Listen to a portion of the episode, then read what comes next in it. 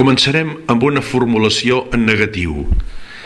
Ens imaginem que no fessin cas a Déu, que és bondat infinita?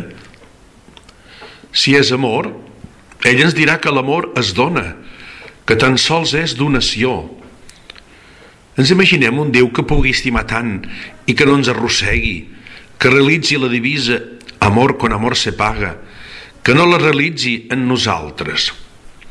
Jo no m'ho imagino, perquè si és amor, simplement per coherència ja ens està arrossegant amb la força d'aquesta mateixa donació que ell és. Per això, tan sols es pot obeir l'amor. No es pot deixar d'obeir l'amor. Qui l'obeeix fa l'única cosa necessària.